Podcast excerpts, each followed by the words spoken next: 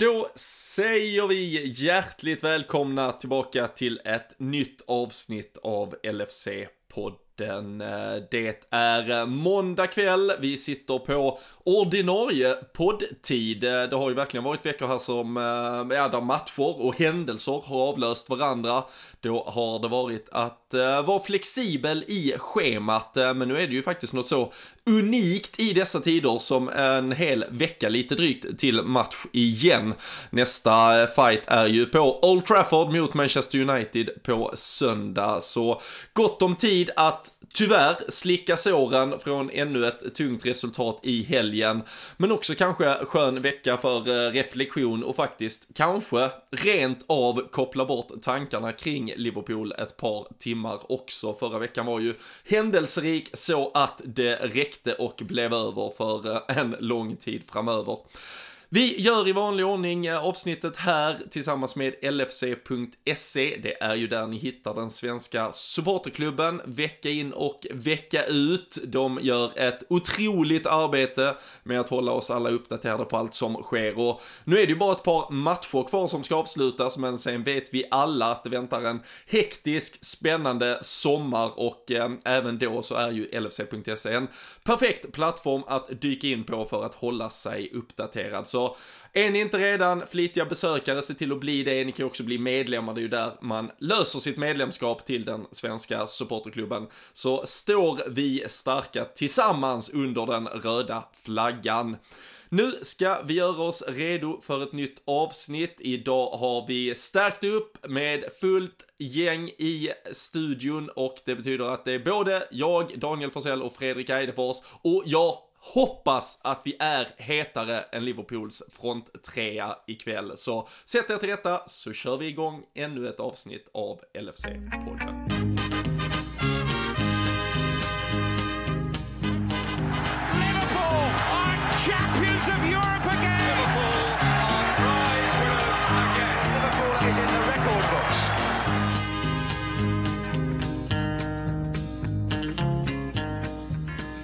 Jajamensan, nu är vi eh, samlade allihopa. Eh, det var vi visserligen förra tisdagen också, men eh, det var inte mycket tid för eh, chitchat. Det höll på att explodera hela fotbollsvärlden känns det som. Men Danne, sex dagar sedan, känns som det är ett halvår sedan ungefär, eh, den där tisdagskvällen då fotbollen höll på att försvinna. Nej det är fasen rätt sjukt när du säger att bara en, inte ens en vecka sedan alltså som vi satt här. Eh, ni har ju hunnit spela in ett avsnitt till emellan och Liverpool har hunnit förstöra ytterligare en helg i ens liv. De är jäkla 13-30 matcherna så vi, vi kommer väl in på det sen och nej det Man tycker att tiden oftast går fort men när man, när man får det lite i backspegeln så så gör den kanske inte alltid det alltså. Det, det var en händelserik vecka det får man väl verkligen säga. Ja, ah, herregud. Vi, eh, vi satt här i, i fredags, eh, Fredrik, som sagt, vi, vi tog en eh, liten, ett litet extra instick med tanke på allt som, ja, först blossade upp och sen rasa ner och ja, det var ju stormar. Det stormade liksom till höger och vänster, det var, det var helt galet. Hur, när det väl blev lördag morgon och var dags för fotboll, hur liksom, hade du hängt med i vad fan som hände förra veckan? Ja, men knappt alltså. Men eh, nej, jag tycker eh, vi, man, man, har hängt med ganska bra. Jag kan ju personligen säga att jag har uh, suttit bänkad framför varenda match mer eller mindre säsongen. Men inför matchen mot, mot Newcastle så var jag faktiskt lite nervös för första gången på länge. Så jag började, jag kände att det här med superligasnacket fick mig att saknar fotbollen liksom ordentligt på ett helt annat sätt ännu mer och framförallt match eh, bygga upp inför en match och sådär. Och jag vet att Danne sa att det förstör mycket om man, i alla fall om man förlorar poäng eller förlorar en match 13-30 men jag såg fram emot det ganska mycket så jag hann liksom lägga undan det här Super League och allt det snacket som vi diskuterade och bara fokusera faktiskt på Liverpool. Men eh, ja sen var det ju lite pina lite under resten av helgen men det får man väl leva med som Liverpool supporter 2021 tänker jag. Det var ju tur att Steve ja. Bruce kunde gå in och liksom ta ner dig på jorden lite igen. Kändes som att du flög lite Om det är någon som ska göra det. Förmiddag, alltså. ja, fy satan alltså.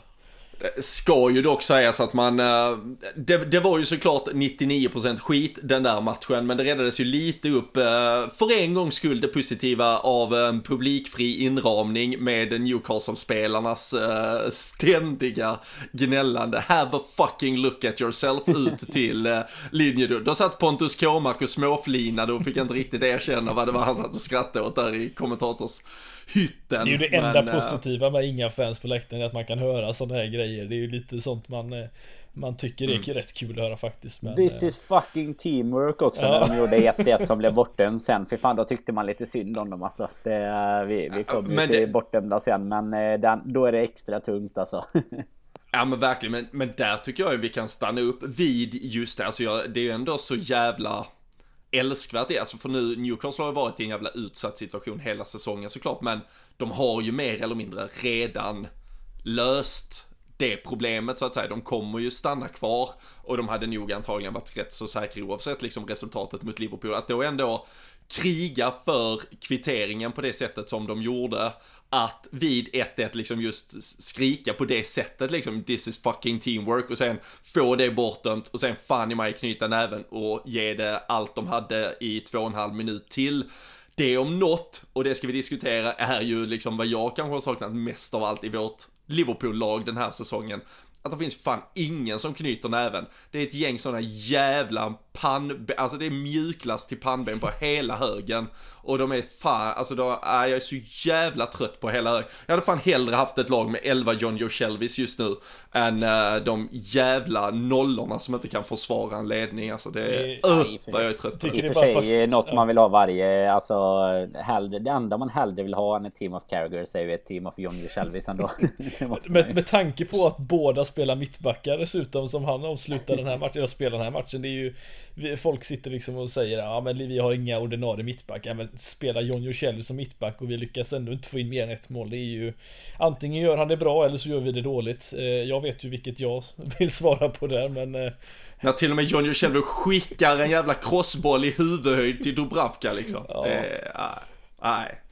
Usch. Men, men det var fint väder ska... i alla fall. Ja det var det, det var kul. det kan man ju ta med oss i alla fall. Ja, vi, tar, vi tar med oss vädret och, uh, ja, uh, och kanske då att flaggorna på uh, Anfield trots allt fick stanna kvar efter förra veckans turbulens. Eh, men eh, ja, vi ska återkomma till matchen eh, vad det lider här, även om man kanske kommer försöka undvika prata allt för mycket om den.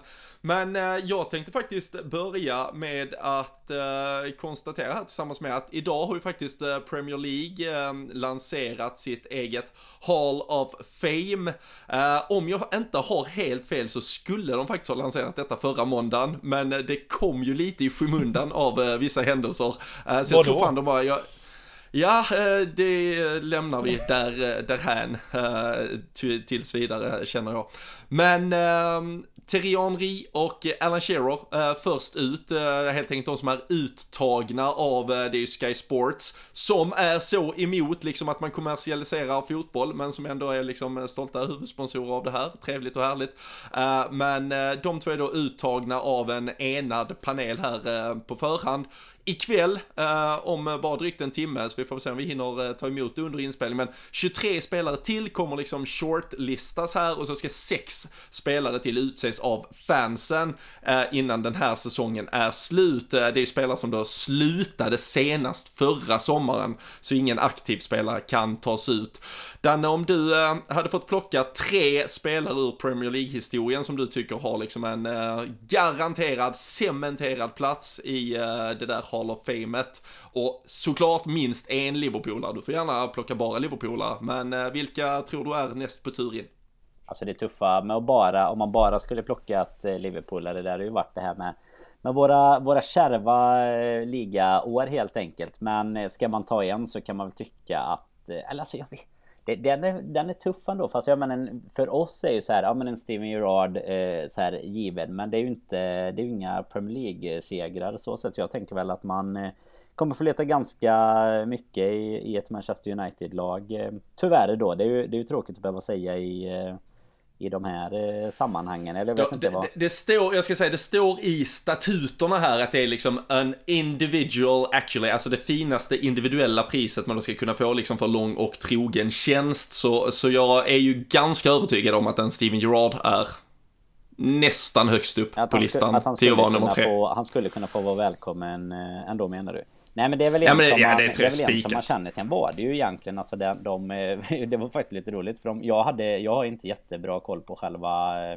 eh, Själva grejen och det, jag satt faktiskt och tänkte medan du pratade att både Henry och Alan Shearer måste ju ändå vara två av dem som eh, Ligger närmast om man säger så. Det, det visade ju sig att eh, det var så men Vilka fasen är det annars alltså Spelarmässigt fanns det ju, nu, nu kan man ju passa på att skicka en passning mot honom liksom spelarmässigt vad som har gjorts på fotbollsplanen så hade ju Ryan Giggs kanske en liten, eh, ett litet läge men jag menar han eh, Han har gjort så mycket utanför Där- planen som inte Man vill ju ändå skicka finns ju det lite nu liksom att, Ja, ja men verkligen.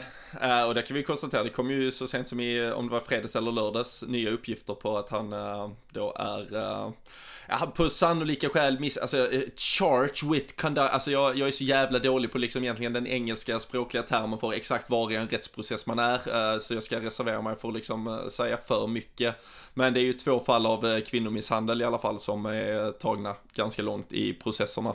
Ja, så därför en... får vi exkludera Ja. honom lite idag tycker jag. För Ja, men- eh, man måste ändå vara lite, lite gentleman utanför plan med. Men om man ska ta någon... Eh, om man, om man måste ta någon som är United-koppling då så kan jag tänka mig att om vi tar Gerard så kan vi väl sätta in Wayne Rooney säkert i den, eh, i, i den eh, kråksången också. Och eh, ska jag inte ta ytterligare en United av alla de som finns tillbaka med Keane och sådana att välja på så skulle väl typ en Frank Lampard kan ju säkert akkom- Mm. ackompanjera Gerard på ett mittfält där. Även om de aldrig har funkat ihop så kanske detta blir det stället som de till slut kan funka på när de inte behöver spela tillsammans. Du går inte så långt Ja, bak i tiden Danny känner jag.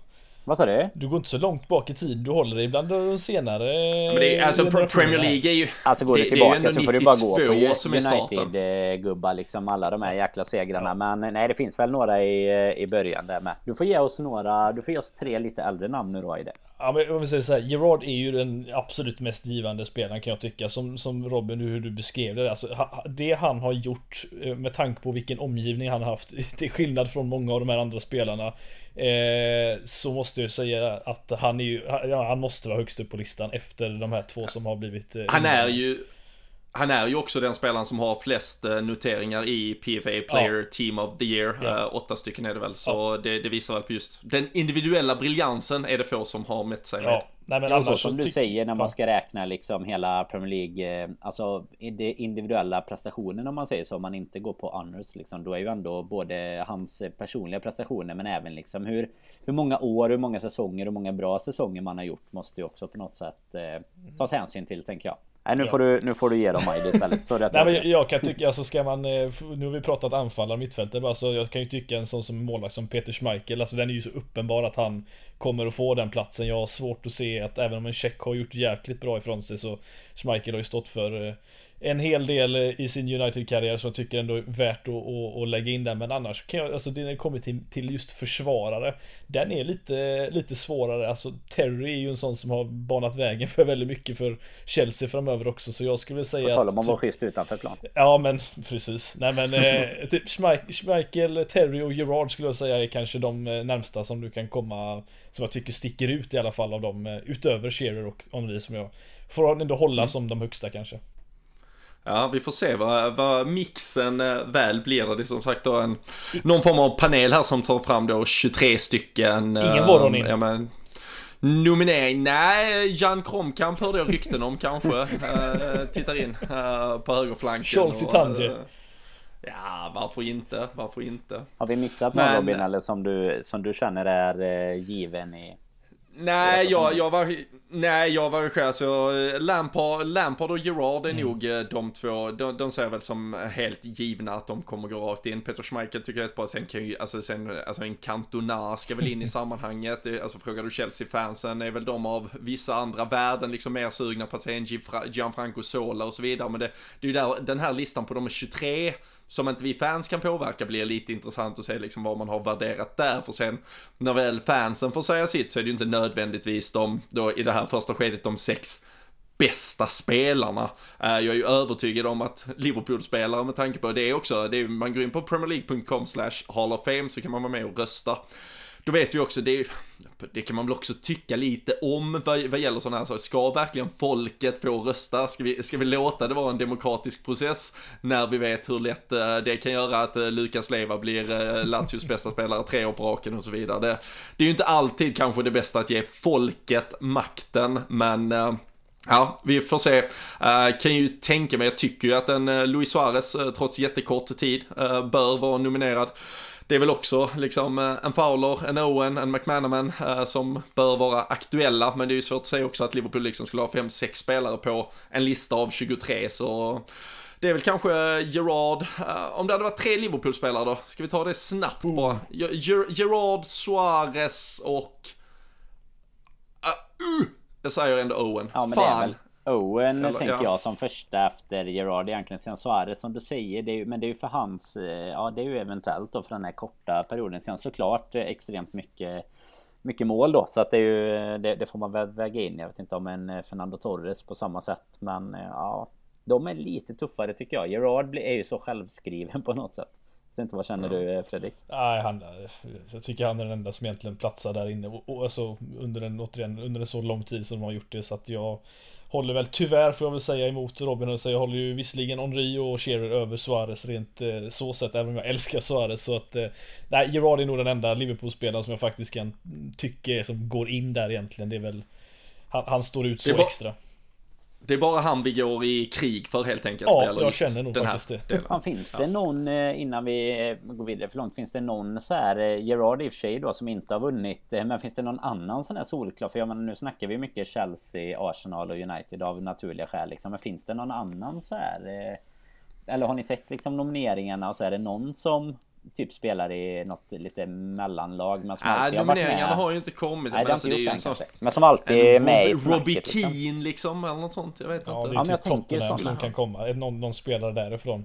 Ja, Annars är det ju bara några... topplagen som är med där oftast. Du måste ju ändå ha några som har så här 3, 4, 5 involveringar i typ årets lag men som aldrig har varit med och vunnit. Alltså lite Gerard-läge på om man har spelat så länge känns det som. Men alltså det har du inte. Tittar du de listorna? Alltså det är ganska ja, un... Alltså Gerard är ju super... Alltså så här, vi pratar... Är du involverad i 3, 4 då pratar vi de här alltså Gix och eh, Lamp. Alltså det är de spelarna som är, har varit med så många gånger liksom. Shearer ja, har väl inte alltså, spottat att... ut pokaler heller för den delen. Även om han har vunnit lite så har inte han spottat ut pokaler som de har gjort i typ Chelsea Premier League Premier League med Kenny Dalglish Ja, dock, jo, jo, men det, är ju liksom, det är ju en stor titel såklart på det sättet. Men sen efter det, så han har ju sprutat in i mål, det har han gjort. Varit helt makalöst mm. bra, men han har inte som i liksom United, de liksom en dynasti och vunnit liksom som typ Gary Neville och de här som vunnit liksom mellan 5 till 8 Premier League titlar på det sättet. Det har ju inte varit med, men han är ju annars den titelmässigt som nämnde Daniel som kanske inte sticker ut men som, som spelare gör det.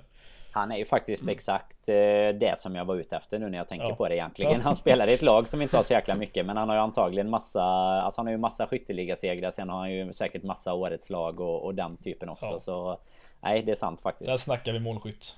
Kanske är sånt ja, vi skulle kan... behövt nu killar, vad, vad tror ni? En Shearer in prime. Shearer i nuvarande form för fasen.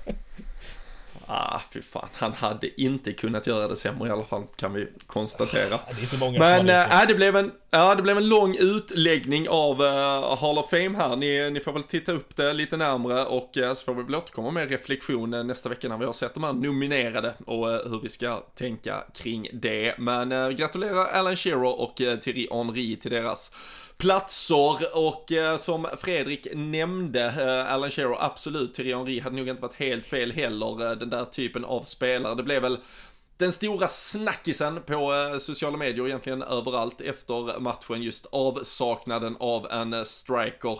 Till och med James Pearce eh, gick så långt som att säga att Liverpool behövde få in en ny spelare i laget. Då vet man att vi är nära vägs ände. Men uh, mycket diskussion också ändå uh, gällande liksom, är det offensiven, är det defensiven? Visst, man ska kunna göra fler mål, men ska man inte också kunna hålla 1-0 mot West Bromwich, mot Brighton, mot Leeds, mot Newcastle ska man alltid riskera att släppa in mål bara för man inte har en tvåmålsledning. Hur, hur har ni, Fredrik, du kan börja, hur har du liksom tänkt kring Liverpools liksom eh, problematik och hur den eh, konkretiserades återigen i helgen? Åh oh, herregud, alltså jag, man kan ju bara tala lite, lite som, som jag själv vet som har spelat försvarare att eh, även om man ibland eh, känner att man borde göra bättre så vet man att fin- om de tre där framme eller de dina spelare där fram kan stå för någonting extra, alltså ett mål ytterligare. Det gör ju framförallt att motståndaren inte spelar med den typen av liksom panik som vi pratade om tidigare, att man vill få in och skapar oro för, för dig i, när du liksom ska försvara i 95 minuten. Jag tycker absolut att vi borde ha gjort bättre både mot Leeds, mot exempelvis här nu och mot Newcastle i de här sista minuterna, men Ja, alltså problemet som vi sitter och diskuterar är att vad hade vi skott på mål? Vi hade nästan 9-10 skott på mål, 23-24 avslut. Alltså det är sådana lägen vi skapar och sådana lägen vi inte ens avslutar på. Sadio Mané säger jag har hostat här nu. Men alltså det är att vi inte kan förvalta liksom lägen på det sättet visar ju som ett jävla söndagslagsfotboll framför mål. Det är ju helt sjukt att de här tre spelarna har gått från att vara sådana här superstjärnor i Premier League och Champions League och nu ser det liksom avsluten ut att man får inte ens på dem på mål. Det ser så himla tafatt ut och jag vet inte riktigt vad man ska ta vägen. Man sitter liksom och river av det håret man har kvar på huvudet mer eller mindre.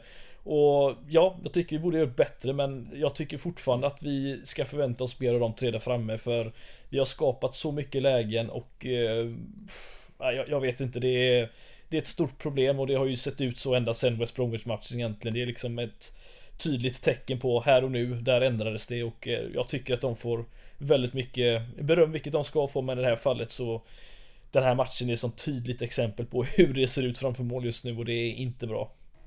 Mm. Men jag, och jag, jag förstår helt den diskussionen. Eller, och den liksom synpunkten, den aspekten. Det som överraskar mig lite, det är att för det första att folk börjar reagera över detta nu, eller att man skulle ha det som en ursäkt idag, att Liverpool är dåliga på att göra mål. Som du säger, det har vi ju varit ett halvår snart. Vi har nästan alltså vi har varit katastrofala. Jag tror, jag tror vi har ett mål per 27 skott mot mål uh, ungefär, vilket är någon form av bottenrekord. Och någonstans då längs vägen kanske man borde förstå att okej, okay, några gånger nu så kommer nog situationen vara att vi kanske bara gör ett mål för vi är skitdåliga på att göra mål. Så då hade det varit en superbra idé killar ifall vi inte släpper in mål de sista fem minuterna när vi har vår skakiga jävla 1-0 ledning. Och att det liksom återigen verkar komma som en överraskning för dels folk, supportrar, vi som tittar på, att vi liksom inte har gjort fler mål och att vi är i ett läge där vi måste försvara med lite jävla hjärta och passion. Och för spelarna att liksom, oj fan, räckte det inte med ett mål och här plötsligt står vi som några fån och bara låter oss förlora nickdueller i både 92 och 93 och 95 minuten fast att vi trodde att vi hade vunnit matchen. Alltså, det, ja, det är klart att vår offensiv är ett svinstort problem och liksom ingen är tröttare än jag på till exempel Sadio Mané. Men jag är ju inte för den saken skulle liksom överraskad över att han missar målchanser nu senast. Däremot så är jag jävligt överraskad att man inte fattar att det hade varit läge att försvara lite djupare och få bort bolljäveln när man möter ett Newcastle. Det är det som ändå irriterar mig mest i sammanhanget. Alltså, det andra är ett större problem och det måste lösas och antagligen är det nya spelare som måste in. Det måste till någonting. Men att man då inte i det kan liksom bara hitta något jävla Alltså Andreas Granqvist hade ju kunnat ställa sig och liksom bara nicka bort bolljäveln. Alltså det är ju det du måste göra. Någon, ibland är fotboll bara ett lidande, men det verkar vi absolut inte vara beredda på att klara av. Nej, det finns lite statistik på det också. Vi har ju, eh, jag vet inte om ni har sett det, men 15 poäng har vi tappat efter att ha haft ledningen med 1-0 eh, den här säsongen. Det innebär ju ett läge där vi hade behållit ledningen om man i alla fall räknade de flesta matcherna då så hade vi varit uppe på en eh, andra tredje plats och fightats med United där. Vi har eh, vunnit 64% av de matcherna som vi har haft ledningen med 1-0 och jämför man det med förra och förrförra så är det 93 och 89% som vi vann. Så att vi mm. var ju, det, det ligger ju väldigt mycket i det. Vi, var, vi har varit så sjukt mycket bättre på att eh, ja, men jobba in eh, segern helt enkelt. Alltså vi, och då ska man inte glömma alla matcher som vi själva har lyckats vända om man nu pratar om om mentalitet. Så det har inte bara handlat om att hålla 1-0 ledningarna utan det har även handlat om att vi faktiskt har lyckats vända 0-1 också.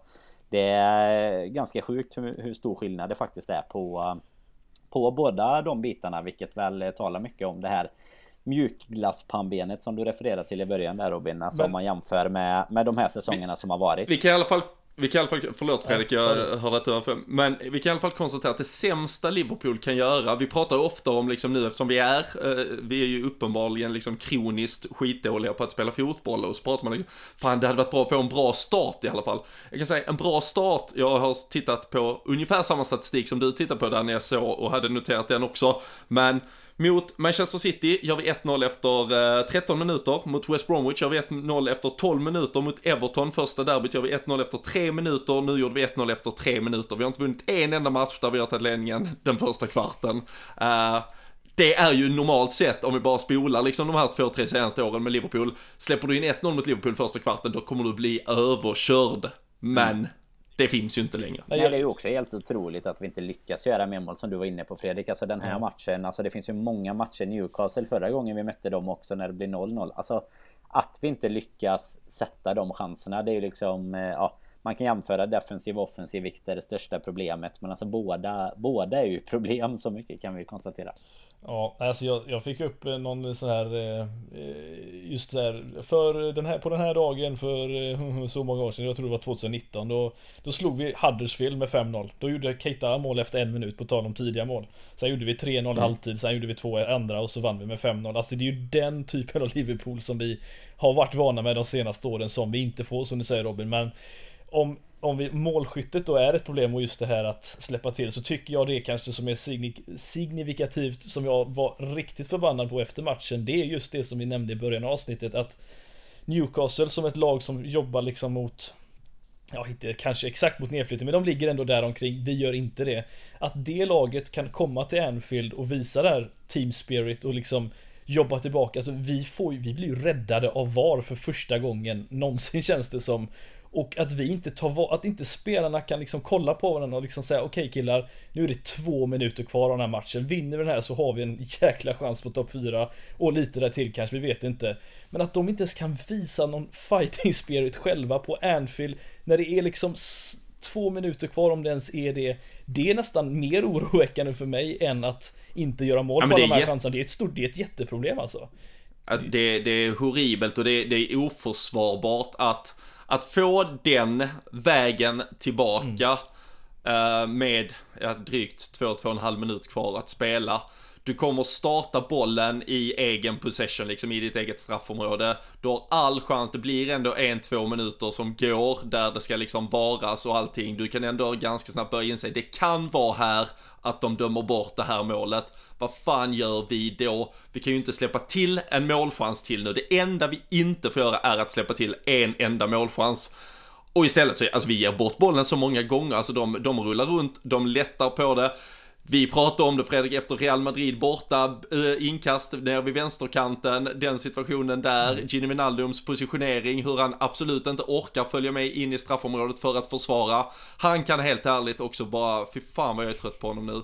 Uh, och uh, det är så många jag är så trött på så det hade blivit så jävla långt avsnitt. Men men alltså, alltså fattar de inte vad de sysslar med? Alltså jag vet inte om de liksom fuskar för att det inte är fans på läktaren, men alltså jag hoppas, hade det varit fans på läktaren hoppas jag liksom att Ja men då, alltså, nej, hade de gjort detta med supportrar på läktaren, det, det är sånt, det är fort, det är ett sånt jävla svek mot klubbtröjan, fan, att vara så att vara så jävla dålig alltså. Och då har vi ändå det... Milner på plan som är en sån typ av spelare. Nu har vi ju inte van Dijk eller Henderson och Henderson har vi ju saknat kanske mest om någonting kan jag tycka i sådana här situationer för han det är just det här pådrivet som, som vi har saknat men Miller är ju den typen av spelare som dessutom kommer in och det bytet kanske vi ska diskutera också på tal om mm. trötta saker alltså att, att inte ha de här spelarna, det är ju väldigt lätt att sitta och säga att det är klart att vi kanske hade rensat bort hörnan om van Dijk, mot Leeds som van Dijk hade spelat eller vi hade inte förlorat den här nickduellen om van Dijk hade spelat. Det är mycket möjligt att det hade varit så. Men det är just situationen som du säger innan det här, att det är deras mål som händer, som är ett problem. Alltså jag vill inte sätta Curtis i skiten som kommer in, eh, kul att se honom tillbaka. Men vi får ett läge där efter det 1-0 målet som de får bollen Mm. 1-1 målet. Där han egentligen har Sala och en hel jävla planhalva och rullar fram bollen ner i hörnflaggan. Lägg dig på bollen vad som helst. Alltså greda ut de här poängen som vi nu ska ha i det här fallet. De visar ju ingenting. Han tappar bollen och så tillbaka. Alltså det är så mycket som man sitter och blir så Men är det någon som, är det någon som, är det någon som någonsin har sett en Liverpool-spelare hålla bolljäveln vid hörnflaggan? Nej. Alltså jag, jag Nej. vet inte när jag såg det Nej, senast. vi fick ju inte ens, vi kom ju aldrig liksom ens dit under de här två, två och en halv minuterna och, och, och i ärlighetens namn alltså all credit till Newcastle den här matchen för det de gjorde, det, vi ska inte ta bort dem Men det är inte så att de pressar ner oss så att det är liksom panik på något sätt, det är inte så att City står på andra sidan och liksom bara forcerar med 12 spelare liksom, eller 11 spelare Utan de bara liksom hittar in någon boll där och tar över, att det är ju vi som ger bort bollen och det är just den här Och vi fighten börjar-. Ja, och vi börjar ju aldrig försvara. Nej. Alltså vårt försvar, alltså vår, vår uppställning var ju fel från minut två. Och vi gör liksom i, alltså att inte, så här, jag förstår att okej, men vi har ändå en gameplan här. Vi, vi tar den risken för att vi tror det kommer göra att vi skapar fler målchanser. Och vi skapar ju målchanser, alltså vi är ju stundtals är vi ju bra offensivt vad gäller liksom att att hitta ytor trots att Newcastle liksom står med sin fembackslinje och det är typiskt ett sånt där lag som har ställt upp på det sättet som vi har haft väldigt svårt att ens komma till avslut mot eller liksom till riktigt bra chanser. Nu, nu gör vi ju det delvis och liksom då kan jag förstå att balansen så här, ja men det du offrar bakåt är kanske då att du släpper igenom en, en chans hit och dit och du måste lita på att du har en bra målvakt och att du ska kunna reda ut saker och ting. Men, men det gör du för fan inte i minut 85 och framåt, alltså då justerar du väl de bitarna såklart. Men det, är- nej det känns det, äh, nej, det känns så jävligt uppgivet och nu, alltså det är ju det är ju hemskt att säga det, det är klart att man alltid och fram till liksom sista minuten i den 38 omgången kommer hoppas och tro att det finns någon jävla chans att vi klarar en Champions League-plats för att jag vill att vi fans ska få den jävla Champions League. Men jag känner ju inte här idag att någon spelare egentligen förtjänar, förutom Mohamed Salah, eh, alla andra är, det är för dåligt, det är så jävla dåligt. Och det vore egentligen, det vore fan helt sjukt om det här laget kvalificerar sig för Champions League, för då är jag, då är jag fan rädd för kvaliteten i Premier League egentligen. Ja, men även att det på 3-4 månader har ändrat sig så extremt drastiskt. Även om den här säsongen har sett tung ut vid tillfällen även innan det. Men alltså att man har gått en sån eh, otrolig uppförsbacke hela, hela den här våren. Alltså när det, när det har gått från eh, ja, men titelhopp till så här, titelstrid till topp 4 strid till topp 4 hopp. Och, och nu sitter man liksom och ja, men, eh, verkligen försöker så här, graspa de sista eh, stråna liksom för att ens vara med i den striden. Det är ju ingen som vill Alltså som du säger Robin, det finns ingen i laget som, som visar någonting som säger att eh, vi vill spela Champions League nästa säsong. Och det konstiga är ju att våran enda chans ligger ju att det är lika många andra lag som inte heller gör det. Eh, vilket också är helt eh, sinnessjukt egentligen. Och det ni nämner där med just att hålla boll och sådär. Men den enda gången jag säkert kan komma på en Liverpool-spelare det är ju med, när matchen tar slut där 4-0 mot eh, Barcelona. När typ James Milner ligger över bollen och Wijnaldum jämte. Och det gör ju Burnley när de leder med 4-0 mot Wolverhampton i ligan liksom. Då gör de samma sak. Då står de vid hemflaggan liksom. Så, så jäkla fint när man fick se det. När det, de står så här och kämpar bort backarna i Wolves. Så man bara så här, men alltså ni har 4-0. Det är inte, det är inte så här ni brukar vinna. Allt för nollan, lite. allt för nollan.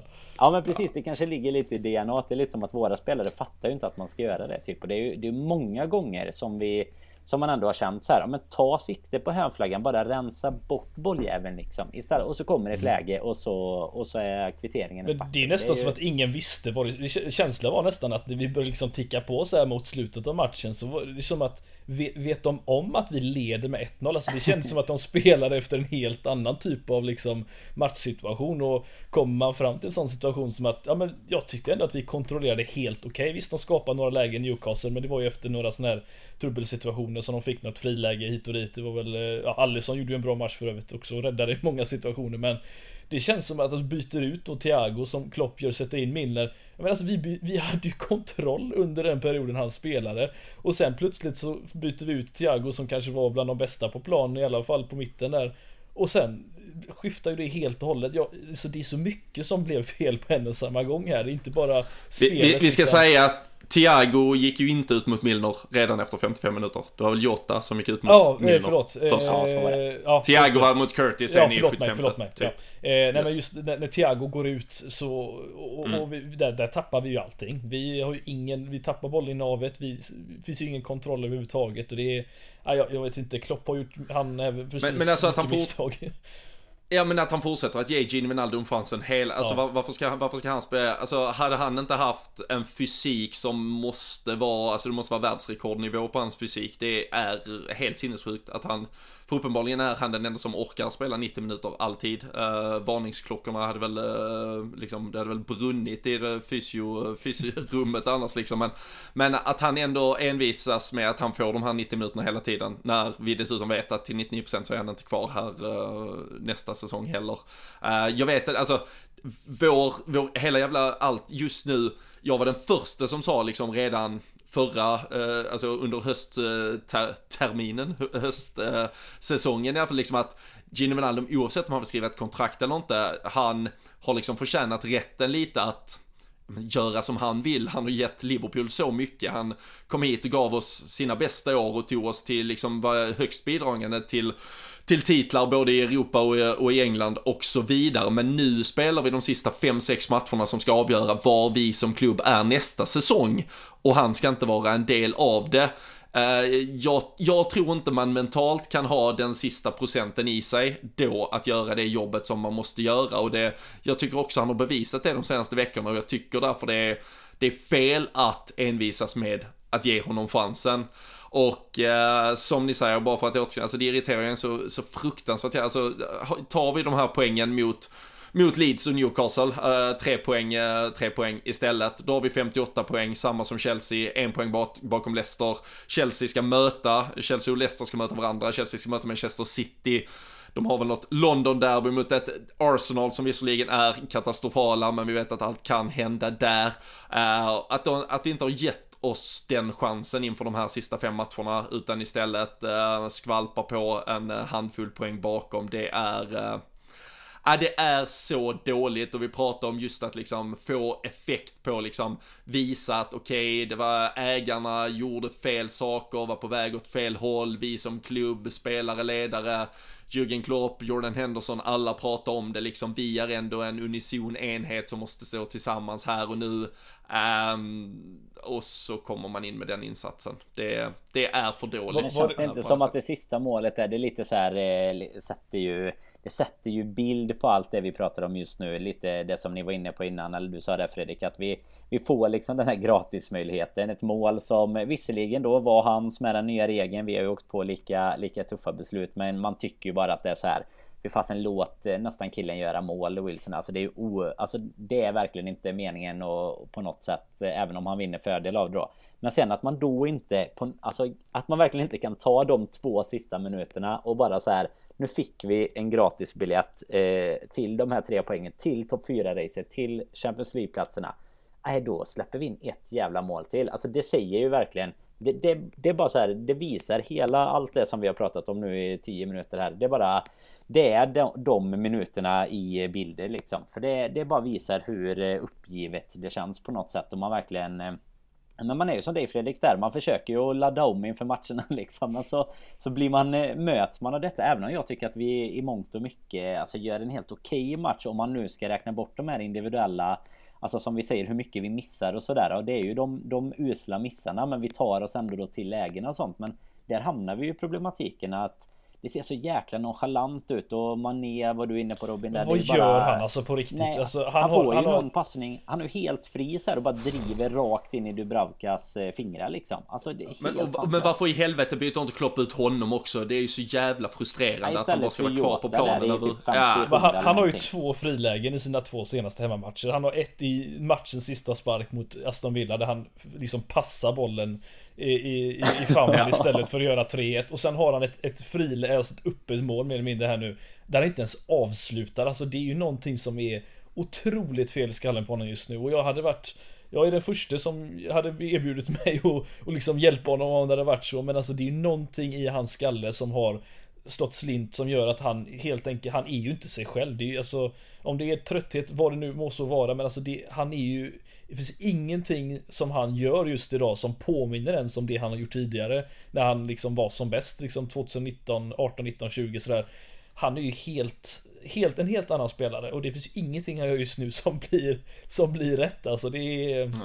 Det är jobbigt att se såklart, för man vill ju bara det bästa, men det är Just nu så vinner vi ingenting på honom på plan. Han, han avslutar inte sitt friläge liksom. Ja, men det är väl för att Origi är skadad så behåller han sin plats. Annars, annars hade vi haft Divocken redo. Men, eh, men hur tror du vi ska tänka där? För jag fastnade i lite diskussioner efter eh, matchen. Jag har väl varit ganska tydlig med att jag inte har imponerats jättemycket av eh, Sergio Mané de senaste månaderna. Men ändå en del som menar på liksom, han har ju visat vilken kvalitet han håller, eller har hållit under lång period, liksom trots allt Ballon d'Or nominerad. Det var bara liksom ett år sedan eller två och han har Ah, vi vet vilken högsta nivå som döljer sig där. Eh, är du eh, team eh, den högsta nivå finns kvar och kommer nog komma efter välbehövlig vila eller är du team vi har nog sett hans bästa dagar men låt oss lura någon annan att den kvaliteten finns och så säljer vi. Alltså frågar, frågar du mig så tycker jag ju att Sadio Mané han har, han har pikat. Jag tror inte han kan bli bättre på något sätt och jag tror bara tyvärr att han han ser inte ens lika snabb ut längre som han har eh, och explosiv som han har varit tidigare så, så för mig så är jag ju rädd att han liksom är på väg neråt som jag tyckte att man märkte med en Roberto Firmino liksom även med hans hastighet här för något år sedan också. Det känns som att många av de här där framme, förutom Salah då som ser likadan ut, de, eh, de är på väg neråt tycker jag och eh, man är alltså Nej, det är jag, är beredd att ge honom ett år till med fans på läktaren och ja, van Dijk tillbaka och backlinjen tillbaka och hela den biten och Henderson tillbaka. Men eh, jag, jag, tror ju absolut inte att han kommer nå de höjderna han har spelat tidigare. Vi ser ju inte några 22 ligamål och en skytteligaseger som han gjorde för två, tre år sedan. Det, det kommer vi aldrig se av honom igen, det är jag rädd för. Nej. Ja, det känns också som att det har blivit så jävla tydligt här, alltså hur våra spel, att det är Alltså det är ju en otrolig samling, alltså vi, man, man älskar ju de här för allt de har presterat, men att de är så otroligt beroende av liksom sitt momentum eller liksom vad man ska kalla det, hur vi, alltså exakt hur man ska sätta etikett på det är ju svårt, men det är ju ingen spelare som som har, jo det är ju Salah och vi återkommer alltid till det, liksom han har någon form av individuell liksom högsta nivå. Det, det, tyckte jag ju för, alltså när laget i regel var välfungerande och så kanske det gick lite troll i det en match eller två, då tyckte jag ju Sadio Mané var den som hade individuella egenskaper att bryta de mönstren och ändå liksom, ja men kanske spela sin match lite och hitta ett mål från ingenstans som inte egentligen hade med systemet att göra och så vidare. Men nu tycker jag, alltså de här senaste månaderna har ju varit olidligt bevis på vilka jävla systemspelare Jürgen Klopp har gjort alla till. Och det är ju otroligt fantastiskt häftigt att se när det fungerar, men det gör ju att enheten Alltså, alltså det blir till och med svagare liksom, alltså 1 plus 1 blir liksom inte ens 2, alltså 1 plus 1 blir liksom typ minus 1 nästan, när man lägger ihop de här jävla spelarna och deras liksom, ja, både mentala och liksom fysiska inställning just nu och det känns som att, eh, nej, äh, ingen, ingen blir fan bättre av att vara nära varandra.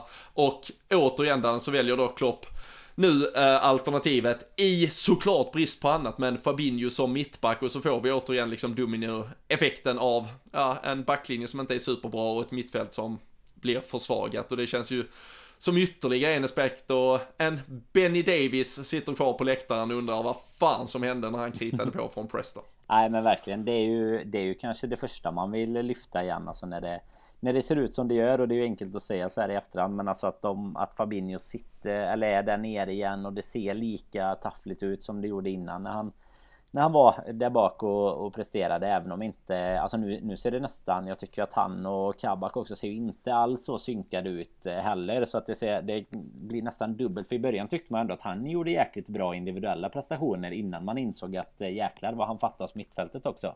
Men jag kände ju ändå på förhand att vi vi körde ju, det var ju ändå Jota, Salah, Mané, Firmino så det var ändå tillräckligt offensivt balanserat för att, eh, att kunna lösa Newcastle. Det ska det ju vara varje dag i veckan men eh, Nej jag vet inte fasen, jag sätter mig lite i andra ringhörnan där eh, mot Fredrik så får vi göra upp i en, en match här innan Innan vi låter Mané lämna klubben tycker jag för Nej jag Ja, det, det är kanske en eh, dröm, men eh, jag vill att han ska få chansen att komma tillbaka. Alltså, det ser inte bra ut, men jag tycker ändå att man ibland kan se tecken. Alltså, jag vet att jag pratade om det för några veckor sedan, men jag ska absolut inte eh, dra upp honom ur någon, någon liksom gyttja som han eh, ligger ner och krälar i. För det är ungefär så det ofta ser ut när han spelar just nu alltså. Men det är ju så att eh, många av de här lägena som vi har skapat skulle ju kunna generera en del poäng. Om man bara tittar på poängskörden för Firmino och Mané så tycker jag fasen att det kan bli lite orättvisande ibland. När de i och för sig då lika ofta i andra änden och, och gör att Trent och Robertson inte får poäng om man säger så. Men vi missar ju så extremt mycket klara lägen alltså. Och det är ju som ni är inne på, det är egentligen bara Mohamed Salah läser ju, det blir ju debatter, det är ju debatter om honom varje vecka om, om han är en bra anfallare eller inte. Men alltså nu är han, eh, nu har han gjort 20 mål i, i tre säsonger liksom, eller 20 mål plus. Eh, och det är ju det är helt otrolig statistik som han kan prestera i ett lag som eh, verkligen inte presterar i övrigt egentligen. Det är... Nej, som du sa, vi har pratat mycket om att Mané spelar sina egna matcher, men Salah är ju är ju verkligen den mannen just nu och har ju visat det under så lång tid nu och måste ju lyftas som, eh, ja, som, som den spelare som av de två. Vi, vi hade väl den diskussionen för några veckor sedan när, när vi hade Kim Wirsén Ja, det- Det, det, det måste ju vara, nej nu är det ju inte det, eller jag tycker det, det har Nej, inte det varit det riktigt. K- Kanske någon liten enstaka gång, men det är ju Nej, statistiskt sett är det ju absolut inte det såklart. Nej, jag såg han, eh, Mohamed Salah har lika många, eller han har dubbelt så många goal involvements, alltså mål plus assist, som eh, Roberto Firmino och Sadio Mané tillsammans. Dubbelt så många som de två tillsammans alltså. Eh, det, det säger en del. Och det är därför det också är jävligt viktigt för han att diskutera att vi har inte problem med en fronttrio, vi har problem med två av tre i en fronttrio, och fan inget annat. Det är viktigt att bemärka i dessa tider. Ehm, en som eh, däremot hade full koll ska bara eh, passa på att eh, nämna och gratulera eh, lite. vill man hitta något jävla kul i sammanhanget här att vi har spelat två rak 1-1 matcher är det att Mattias Holm, en kär Patreon till oss, han har tippat just 1-1 i båda matcherna i vår tipstävling och därmed tagit hem två raka priser. Det brukar ju flöda av optimism i de där tipstävlingarna. Det var 3-0 och 4-0 och 5-0 och allt möjligt. Men Mattias Holm sitter kvar med pessimistkepsen på och eh, det gjorde han rätt i. Eh, vi får väl se, han kanske går på 1-1 säsongen ut här. Ehm, jag la ju upp från vårt eh, Twitterkonto tidigare i morse här. Eh, vårt resterande spelschema, det är ju Manchester United till helgen, sen väntar ju på pappret lag man ska besegra. 15 poäng kvar att spela om, eh, men vad tror du Fredrik? Är det fem raka 1-1 kvar eller kommer vi i alla fall göra vår del för att det ska kunna bli lite intressant att följa den här skiten in på målsnöret? Alltså vi satt ju här för några veckor sedan och sa, eller det är ju inte ens några veckor sedan, någon vecka sedan till och med och sa att ja men nu hade vi lite resultat som gick med oss och så när man då vinner mot Villa med 2-1 och så har man, hade man liksom några segrar i rad där så det var ju det vi efterfrågade. Ta poängen och så möts ju de andra lagen och så knappar vi in hela tiden men eh, nu har vi fått två chanser som jag ser det och vi har inte tagit chansen någon av de gångerna så nej jag det, det, det är nog för min del nog eh, ra, ja, bara 1-1 eh, matcher känns det kvar nästan. Det är eh, jag är inte tyvärr särskilt optimistisk. eh, Jag, jag, jag var det inför eh, ja, i 85 minuter mot Leeds ungefär men sen efter det så har jag väl tappat den tron. Tyvärr får vi säga.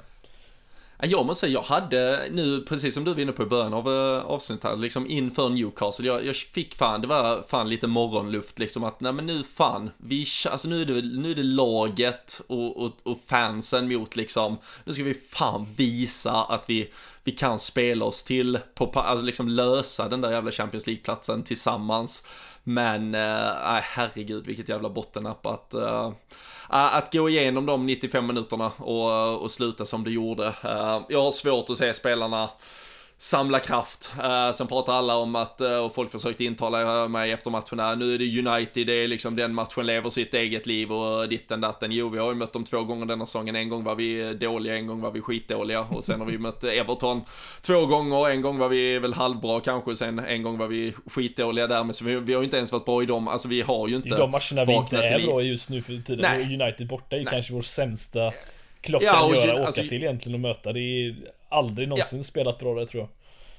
Nej, och United har eh, sju 0-0 matcher den här säsongen, lär ju inte hata att få en åttonde eh, heller. Samtidigt så kommer vi väl stå för högt med vår backlinje och så kommer Mason Greenwood springa igenom och, och borra dit den liksom. Så uh, vi får se, kanske är dags för Rhys Williams igen, gick ju skitbra senast på Old Trafford för, för hans del uh, i FA Cup-matchen. Så sätter vi, mitt, uh, sätter vi backlinjen på mittplan och så låter vi dem skicka bort. Nej, jag har inte en eh, supergod feeling eh, inför den. Eh, vi, ska, vi ska väl ta eh, lite tempen på den alldeles strax. Men jag eh, tänkte bara, vi eh, sprang ju nästan förbi. Det var ju så mycket som hände förra veckan och eh, allt från att superligan kom, såg och besegrades till att vi liksom spelar matcher i dubbel bemärkelse. Men i fredagskväll, så kom ju samtidigt också uppgifter från transfergurun Fabricio Romano att Ibrahima Konate faktiskt lär bli verklighet för Liverpool. Det var ju jätteseriöst för några veckor sedan. Sen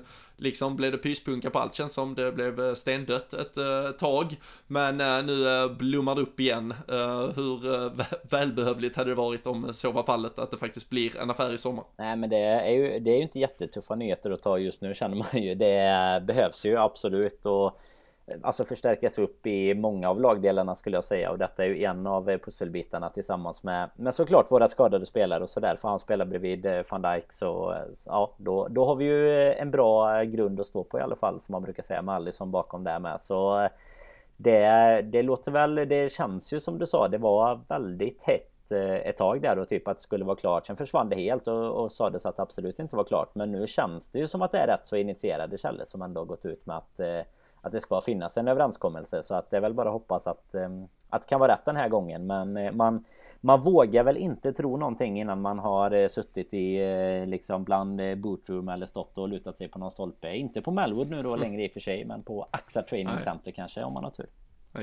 Oxlade kanske gör någon härlig Welcome to Liverpool video som man kan vilja spy på och sen skicka honom ner för ett stup eller något. Nej, fy fan. Nej, jag är taskig nu. Stryk.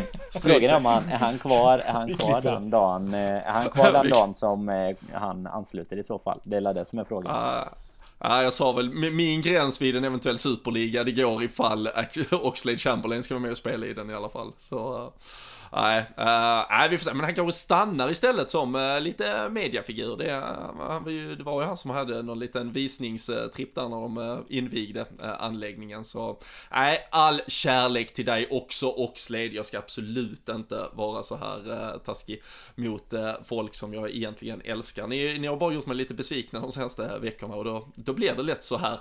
Men Fredrik, bara för att återkoppla på Kunate-spåret där och Sankar grabbar, jag tycker egentligen lite som Danne, alltså Fabinho har ju varit liksom minst lika dålig, nästan sämre som mittback de här två senaste matcherna. Eh, men eh, hur tror du att Liverpool ska tänka där på mittbacksbesättningen? Eh, det finns Rent ekonomiskt tror jag att det är skitbra att värva Ozan Kabak oavsett om det nu är en option på 18 miljoner pund så tror jag att man kan sälja honom dyrare sen men vad tror du, liksom, hur kommer strukturen se ut? Och Joe Gomez kontra en Konate, vem liksom är etta, vem är tvåa, var, eh, hur, hur kommer det se ut om det, ja, det, det blir ju till slut när alla är friska så har vi ändå ganska många spelare helt plötsligt.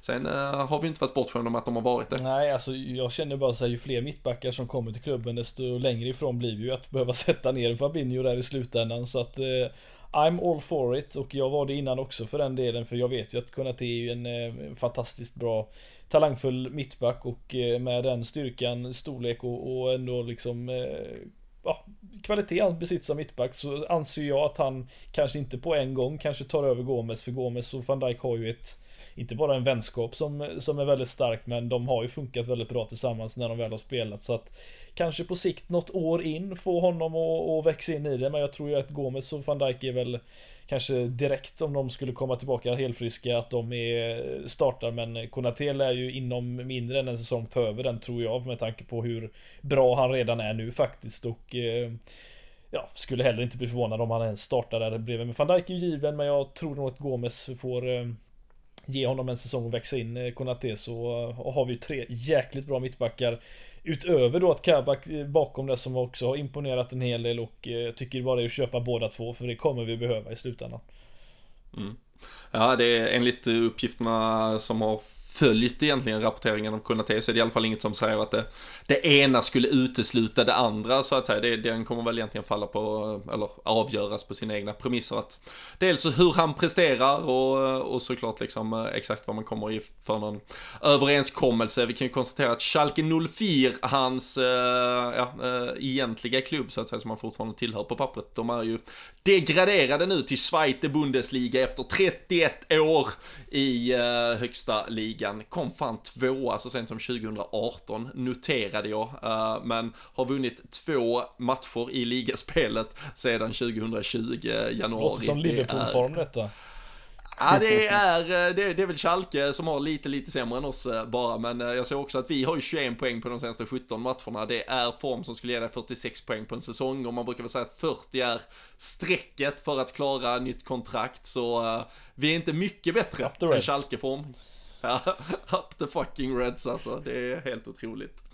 Men eh, nu väntar eh, Manchester United eh, på söndag. Eh, Dan, är det bra eller dåligt att möta Manchester United eh, nu? Är det roligt eller hade du hellre bara mött Burnley och massa skit sista veckorna? Ja, som det har sett ut mot de lagen, det kommer vi göra efter United här sen. Då är det ju bara möget kvar sen ungefär och det har ju inte sett så jäkla trevligt ut så att det är väl någonting som såklart kan på något sätt. Alltså, eller jag vet inte, jag, jag, tänkte säga att det är på något sätt det som kan få en att tända till lite extra inför matchen. Men det gör ju också att man... Alltså jag kommer inte sitta med några höga förväntningar på en Liverpool-seger. Och det är väl eh, egentligen för första gången på, på ganska länge. Alltså man sitter ju ändå inför en Newcastle-match och en Leeds-match och sådär och tycker att vi ska lösa det oavsett hur det har sett ut nästan. Men bara med de förutsättningarna man har. Men här sitter man ju ändå med liksom... Ja, det, det känns som att United är i all pole position som går. Om om vi inte ens kan stoppa Newcastles anfallare från att, att springa ja, men helt fria flera gånger så, så blir det ju tufft mot, eh,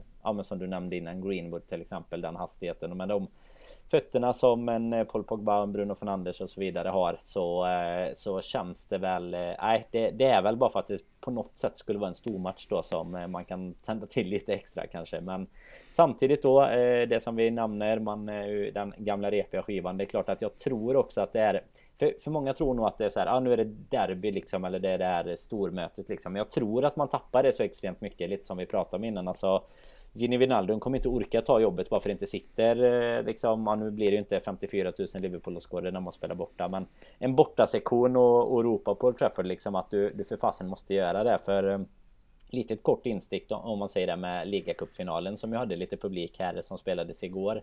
City Spurs så är det ju så extremt stor eh, skillnad, alltså även fast det inte var i närheten av fullsatta läktare, att eh, att få de här reaktionerna på spelare som gör fel och tacklingar och alltså bara och Alltså det måste ju både tända och eh, vad fasen ska man säga, alltså elda på spelarna även i en positiv väg att du eh, att du fattar att du kan fan inte stå och avsluta åtta gånger eh, hur dåligt som helst utan då det, det, blir det tillåts liksom inte med fans på läktarna och det är väl det som är en sån här match som eh, vi verkligen hade behövt det för att komma tillbaka. För jag kan inte säga att det är några överdrivet goda förhoppningar om, om bra resultat och det är väldigt mycket som måste gå våran väg nu om vi ska in i, i topp 4. Det är ju det är inte bara i egna händer såklart. Kan vi, vi sluta prata topp 4? Ja, jag känner att vi... Gör det. Topp alltså, det kan ju checkar, bli Conference League också. Det kanske skulle vara lite spännande. Då kan vi fan få möta Elfsborg Mäktiga conference.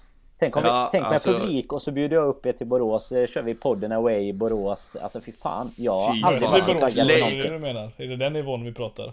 Vad sa du? Att vi möter Elfsborg, alltså vi är så ja, ja. långt ner i systemet nu så att det är dem vi möter. Conference League är ju Super League egentligen. Det var bara att de glömde, ja. det var bara att de glömde vilket namn. Eh, de bjöd in andra. Nej, fy fan. Ge, ge mig lejonkortet 48 timmar i djurparken och sen rakt ut och slakta uh, de jävla... Endione på topp för Elfsborgarna dunkar in en straff i 93 och så ja, blir det rakt ner på Vinci och super ner Där har ju du bättre än koll än mig faktiskt. Aj. Jag vet fan inte vilka som spelar. Spelar Anders Svensson fortfarande eller? Jag tror han kommer in i andra. Ja, fy fan vad fint. Ja, då bjuder jag ja. på Podden Away faktiskt om det blir så. Conference ja. League. Det är ju om vi kommer sjua ja, va? Eller vad är det som gäller för Conference League? Kan vi säga samma 40 som var bokade till Aston Villa under pandemin som sket sig. De kommer hem till Daniel Forsell om Liverpool möter Elfsborg i eh, Europa Conference nästa säsong. Det är, spik är det... spikat. Det är spikat. Hospitality tickets, det löser Danne. Ja, ja, ja det är helt spikat. Fy fan. Ja, uh, åt, uh, vad har vi? Fyra platser i jacuzzin också va? Extra. Ja, men det är ju premium, extra. Premium extra. edition. Du, du, då räknar du in oss eller? Fyra extra. Ja, Det men- är- Men det är en stor Ja, altan ni att jobba på. Fy fan, sluta prata eh, Champions League, det kan bli roligt ändå helt enkelt. Eh, Vi, eh, vi börjar bli lite halvlånga men Fredrik, med tanke på att alla spelare är ur form och ganska dåliga, vilka elva vill du se på plan på Old Trafford på söndag? Ehm, alltså jag, jag vill verkligen inte se in Wijnaldum från start. eh, Även om jag vet att han kommer starta för det är det säkraste kortet han kan slänga in just nu eh, känns det som. Men ehm, Alltså, jag skulle inte bli förvånad om, jag ser, om det är samma lag som startar.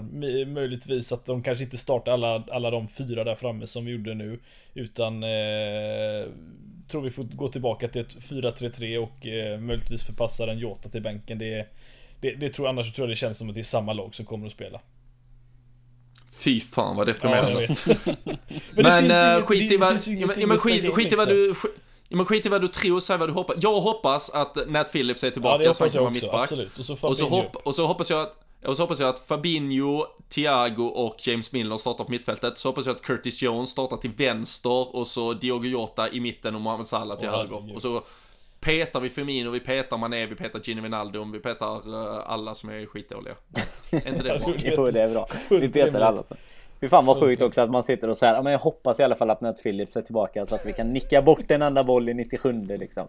Fan. Det är det. Det om något är fan vad vi ska klippa bort från det här avsnittet. Det sa jag aldrig. Jag vill inte veta att jag sa det den 26 april in på en säsong där vi skulle försvara vår titel. Ja och när man sitter och laddar för en Champions League semi ja, och jobbar för titel ja. Fy fasen. Ja. Ja. Nej, Det är det är eh, det är där vi är nu. Um, ska vi avsluta med om det är eh, Mattias Holm som ska vinna eh, tipset en tredje gång på 1-1 eller tror vi att eh, det här kan sluta på något annat sätt? Nej United vinner 2-1. Tyvärr. Ja, det är nog fan första gången också i åtta års poddhistoria som du konstaterar att vi förlorar Jag tror- matchen. Det, Jag, jag tror fan det med. ja, ja, Fredrik, säger du emot den? Vill du upp i ringen i den här frågan också? Alltså jag möter ju gärna Danny i ringen på många sätt och vis men eh, i det här fallet så eh, Så sätter jag mig och masserar hans axlar och säger bra jobbat, jag håller med dig. Ja, ja, ni, kan, eh, ni kan sitta och göra upp i lejonburen på Borås djurpark sen istället. Så det... Nej, jag, jag är fan jag har också en dålig, eh, jävligt dålig känsla. Ska vi jinxa jag, den jag ska- positivt den här gången kanske då? Ja men jag vet, alltså det gav, jag, jag, jag var egentligen överraskad, det gav 2,55 gånger pengarna på att eh, United skulle vinna det här. Så United ligger tvåa i Premier League och vinner i stort sett varenda match de spelar nu för tiden, även om de är skitdåliga och skittråkiga och allt möjligt fortfarande. Och Liverpool har, alltså vet ju inte hur man vinner fotbollsmatcher i stort sett. Så det borde ju vara jättefavorit på Manchester Mm, United att vinna.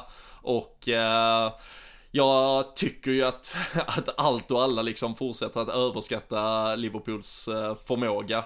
Jag, eh, jag, jag kan inte se oss eh, lösa topp 4, så visar man, ja men titta det här spelprogrammet liksom så här, Jag tror vi har, vad fan är det vi har? Alltså vi har typ så här 6 poäng mot de sex sämsta lagen i Premier League. Alltså, alltså det är helt otroliga dåliga siffror. Alltså vi har ju West Bromwich har vi bara mött en gång, där har vi en poäng. Sheffield United, ja, där, eller där har vi sex poäng. Eh, och sen så har vi ett poäng mot Fulham.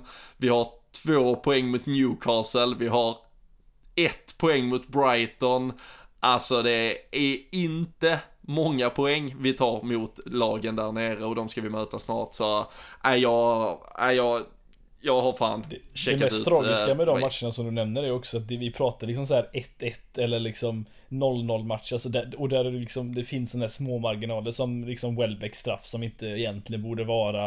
Eh, och det, liksom, det, det finns sådana små skit som är så irriterande fortfarande att hade det inte hänt så, alltså det, det är så många poäng egentligen som vi pratar och som vi har tidigare liksom bara tagit. eh, Liksom, vi har inte behövt spela klart andra halvlek. Vi har redan vunnit de poängen men eh, det är som du säger, det är ju skrämmande vad, vad dåligt eh, poängskörden har varit mot de här lagen och eh, det värsta av allt är ju att de flesta av de poängen har ju förlorats även på hemmaplan och det är ju nästan det mest skrämmande av allting. Ja men det är det som är så jävla otroligt. Alltså att vi hade de här eh, raka hemmamatcherna utan... eh, Alltså eller där vi, där vi förlorade bara helt enkelt. Och det var liksom mot lag som Brighton, Burnley, full... Alltså det är så här, det är helt... Det, Alltså jag hoppas ju verkligen att man aldrig kommer behöva uppleva det igen för det är bara så sjukt och med de förväntningarna som eh, du, du är inne på det Robin där alltså så här hur höga förväntningar alla andra har på ett Liverpool-lag men och det, de är ju nästan ännu högre utifrån när man kanske inte följer laget veckovis och känner med den här formen hela tiden. För vi var ju ändå efter kanske fjärde raka förlusten så kände man så här att ja fan nu ska vi förlora igen. Men då var det ju fortfarande typ så här 1,09 i odds på att Liverpool skulle slå ett Fulham eller någonting. Men det, det, liksom, det, det, är helt sanslöst att vi kan tappa så många poäng mot eh, så på pappret mycket sämre lag med i stort sett samma lag som har som har gett oss så extremt mycket framgångar liksom. Det ska fan inte vara fysiskt möjligt alltså. Jag vet inte hur det har gått till. Nej, Nej, och du ser ju bara, alltså egentligen på, som du, du nämnde själv statistik, alltså det är bara 64% av tillfällena vi leder med 1-0 och vi faktiskt vinner matchen. Alltså det är nästan 50% sannolikhet, alltså så det är fortfarande 50% sannolikhet att vi inte vinner en match som vi leder med 1-0 i. Alltså tittar du, jämför du det på liksom hur spelbolagens oddsättning är till exempel så är det ju, det är absolut inte så det ser ut utan det är som så här, gör vi 1-0 så står det antagligen i 1-0-1 att vi ska vinna hemma mot Newcastle. Men det är ju uppenbarligen nästan, alltså det är 50-50 att vi faktiskt kommer att klara det. Så nej, de får göra bar på hela säsongen bara. Bar TV, ja. TV-ruta och så får vi se om det ens var en säsong. Ja, fy fan. Det, det hade varit vilken Decision, jävla... no season. no season, null and void. Den är fan, den är över and out. Det, det hade varit det bästa, men ja, vi, vi får väl se det positivt. Det är bara fem matcher kvar på den här säsongen. Sen kan man checka ut ett par månader mentalt. Det ska bli skönt kan man konstatera i alla fall. Men nej, det här var ett avsnitt där det spretades från eh, Hall of Fame till eh, bra spelare till dåliga spelare till eh, ja, plattmatcher och eh, mycket annat. Eh, hela vägen till Borås djurpark till och med tog vi oss och ni har som vanligt varit nöjet för oss. det är att ni är med och lyssnar som gör detta så roligt. Vi är tacksamma att det blir diskussioner på sociala medier Eh, till er som är med på eh, Patreon. Det betyder alldeles uh, otroligt mycket och speciellt i dessa tider när jag förstår att egentligen kanske ens Liverpool-hjärta som supporter inte liksom ja, gör en så jävla glad. Men uh, vi ska försöka hålla igång där. Vi hoppas få en sommar där världen öppnar upp och vi kan börja planera för roligheter framåt hösten och uh, där vi helt enkelt kan knyta näven och ta nya tag. Är ni inte medlemmar på Patreon så gå gärna in på patreon.com slash LFC-podden eller bara ladda hem appen och sök upp LFC-podden så kan vi också göra då som eh, Mattias där helt enkelt och vara med och tippa inför varje match. Vi äh, lär boosta upp med något kul här inför United, det stormatch på söndag. Trots allt, sista försäsongen, då får vi fan se till att äh, eh, in och rafsa rejält i lagret på Sam Dodds efter något äh, häftigt. Så håll utkik, häng med in på Sam Dodds och sen då Patreon i den ordningen så ska vi nog se till att vi får en, eh, om inte på planen så vid sidan av, rolig säsongsavslutning. Eh, vi tackar för att ni har varit med oss idag igen, så hörs vi och ses vi snart igen.